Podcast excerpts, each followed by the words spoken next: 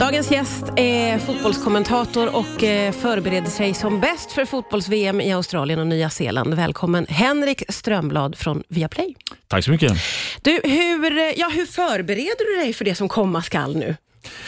Ja, älskar man fotboll som jag gör så, så följer man ju alltid fotbollen på något sätt och, och det, det, blir ju som en del av livet. Även om jag just nu faktiskt har lite semester så, så men det, då håller man sig inte från fotbollen sådär. Så det, det håller hjärnan uppdaterad hela tiden. Det kommer nyheter kring lagen och spelarna och trupper och sådär. Så att, eh, Ja. ja, så Och som kommentator måste du ha koll på allt, föreställer jag mig. Jo, det har ju blivit mycket mer. Jag menar, kunskapen hos de som tittar idag är ju så mycket större för det finns så mycket källor. Och, men det är bara att gå till, titta på barnen idag. De vet ju mer än vad jag vet nästan eftersom de hittar alla sociala medier och allt sånt där. Men eh, det tycker jag är kul. Det är utmanande. Liksom. Det Ja. ställer ju krav att, att vi måste vara uppdaterade hela tiden och veta mycket. Men är det det som är den största utmaningen, skulle du säga, att hela tiden hålla sig uppdaterad? Eller vad, vad är mest utmanande med ditt jobb, tycker du?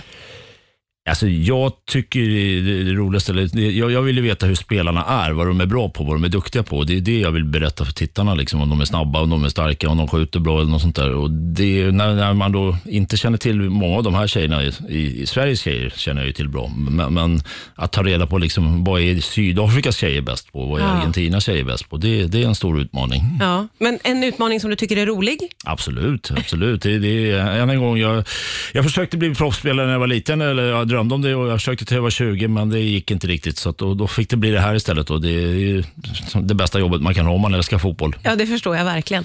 Du, hur kommer dagarna att se ut för dig när VM väl drar igång sen då?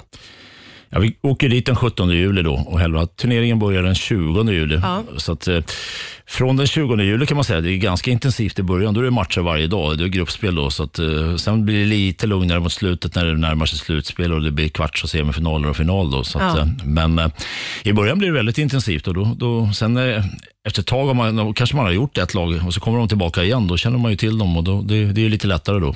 Men du, hur tänker du kring tidsomställning och allting sånt? Är det någonting som du tar med i beräkningen?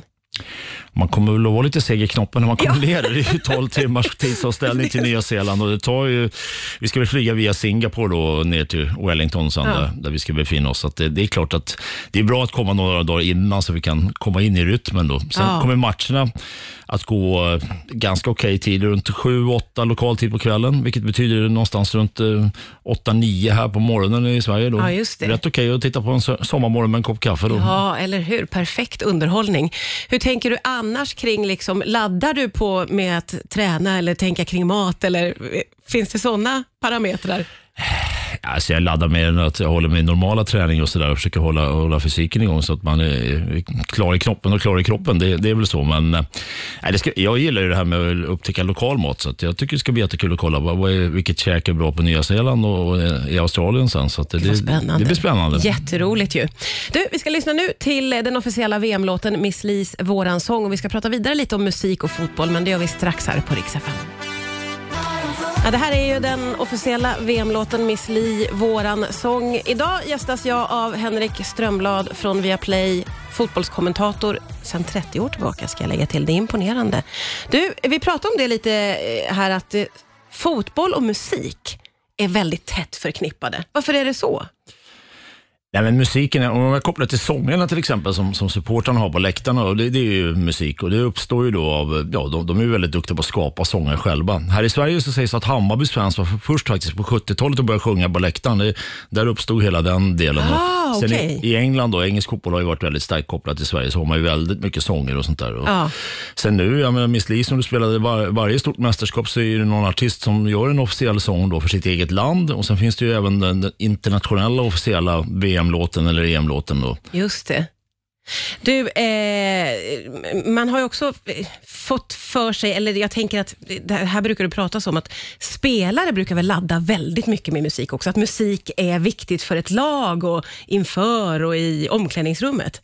Så är det. När jag spelade själv, då var det gamla bergsprängaren som man tog in i omklädningsrummet och så var det någon som fick välja musiken där. Och det, den finns ju fortfarande vet jag i många omklädningsrum. Men Ja. nu ser man ju många spelare som går med sina lurar då innan matchen och, och sitter i bussen och allt sånt där. Så att det, ja, absolut, musiken är viktig för många att, att koppla av och, och komma liksom i rätt stämning och sådär. Får jag fråga dig när du nu eh, ger dig iväg eh, och har ett jobb att sköta eh, under VM, hur mycket av den här övriga atmosfären kan du ta in när du jobbar? Jag försöker ta in så mycket som möjligt och det är ju en del av att förmedla också, att känna av hur, hur, är stämningen ute på stan bland supportrar och runt arenor och sånt där. Så då, det har alltid varit när jag har varit ute och gjort grejer att jag tar min promenad runt och, och kollar läget liksom, så att jag känner att eh, ja, det här kan jag berätta för folk. Ja, ja precis. Du, eh, jag sa ju det att du har ju jobbat i 30 år som fotbollskommentator. Hur har den utvecklingen varit? Vad är annorlunda idag från 30 år sedan skulle du säga? Oh, väldigt mycket. Jag kan säga att jag startade då knappt 30 år sedan, 94. Och eh, då fanns inte internet, bara det. Leta information. Då fick man prenumerera på tidningar och böcker och utländska tidningar kanske kom eh, med två veckors varsel. Å andra ja. sidan visste ju inte tittarna lika mycket heller då. Nej. Så där hela, hela den bommen liksom med, med, och sen sociala medierna, det har tillkommit, eh, informationen överhuvudtaget. Eh, det tekniska. Eh, då kanske man hade fem kameror som bevakade en match. Idag, nu när tjejerna kommer att spela VM i sommar, så kommer det vara runt 25 kameror ah. runt planen där. Det är så otrolig du, skillnad. Ja, det är väldigt skillnad och du ser mycket mer och du kommer mycket närmare spelarna på gott och ont. Eh, jag tillhör de som tycker att spelarna ska få ha lite fredad zon i omklädningsrummet. Att där, där, ah, kan, där ska man kunna stänga dörren och så ska de kunna sitta och snacka ihop sig där. Ah. Medan många vill ju ha in både kameror och mikrofoner i omklädningsrummet och sådär. Så att, men någonstans så, det är lite hemligt, det är lite spännande spännande. Vad, vad snackar de om? tänker man. Ja, ja, vad, säger de till varandra där? Ja, men vi vet inte. Vi får gissa. liksom. Ja. Något litet hemligt ska finnas kvar. Vi ska fortsätta prata alldeles strax här på Rix FM. Ja, idag gästas jag av Henrik Strömblad som är fotbollskommentator för Viaplay, gör sig redo för VM pratade vi under låten här. Det finns ju väldigt mycket att prata med dig om eftersom du har varit med så länge och gjort det här. Eh, det, det, har liksom gått från att egentligen handla om att kommentera fotbollsmatcher till att bli mycket bredare för dig, om jag uppfattar saken rätt. Är det så? Jo, men så är det ju definitivt. Det, det är liksom, fotbollen är ju mycket mer än själva matchen och spelet idag. Det, det, det finns ju ett eh, spel runt matcherna, ett politiskt spel. Det såg vi i VM i Qatar med alla diskussioner som var där. Och, ja. eh, ekonomin inte minst. Jag menar, det är vansinniga pengar ibland. Så, vi måste väl ha något sån här koll på liksom, ja, ekonomiska förutsättningar och, och sånt. Så att, eh, eh, ja, överhuvudtaget liksom hela, som det ser ut med sociala medier och allting. Nu, nu kan vi inte djupgräva i allt. Vi har inte tid att göra det, men, men det gäller att ha en helhetskoll ungefär. Ja, du måste ju ha liksom lite koll på, på det mesta om man säger så. Vad jo. tänker du om det, att det har liksom breddats på det sättet?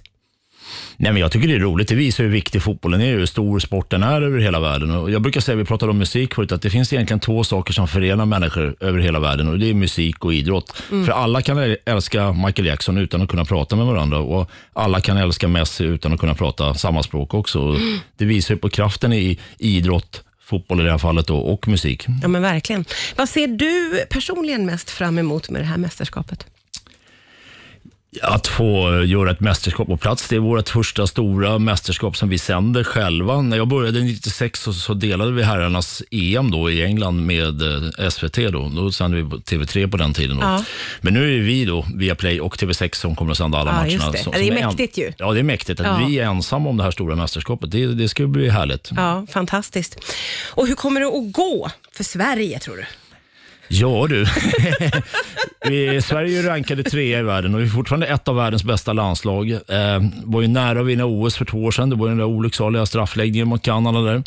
Förra sommaren var det inte lika bra i EM. Då var England mycket bättre och slog ut Sverige i semifinalen. Men jag skulle säga att får Peter Gerhardsson ihop sitt lag och han får de bästa spelarna, sina stjärnor där, Fridolina Rolfö, Stina Blackstenius, eh, Kosovare Aslani, Magdalena Eriksson. Får han dem på topp, att de kan prestera på sin yttersta nivå, då, då kan det räcka väldigt långt. Men det kan ta slut snabbt också, för risken är efter gruppspelet, jag räknar med att vi går vidare, ja. det gör alla, ja. så, så riskerar vi att ställas mot antingen USA som är dubbla regerande världsmästare eller Holland då, som vann EM här 2017. Och ja. Det kan bli jättetufft redan i åttondelen. Där. Ja, verkligen. Men vi har mycket spänning framför oss i alla fall, eller ja, hur? Ja, ja. En, en sommar med det, så ska det vara. Så ska det vara. Vi ser och, mycket och, fram emot det. damerna är ju faktiskt eh, det landslaget som engagerar nu. Herrarna har ju lite jobbigt tyvärr. Ja, ja precis. Ja, vi ser mycket fram emot sommaren. Vi ska följa detta. Tusen tack Henrik Strömblad för att du kom hit idag. Tack.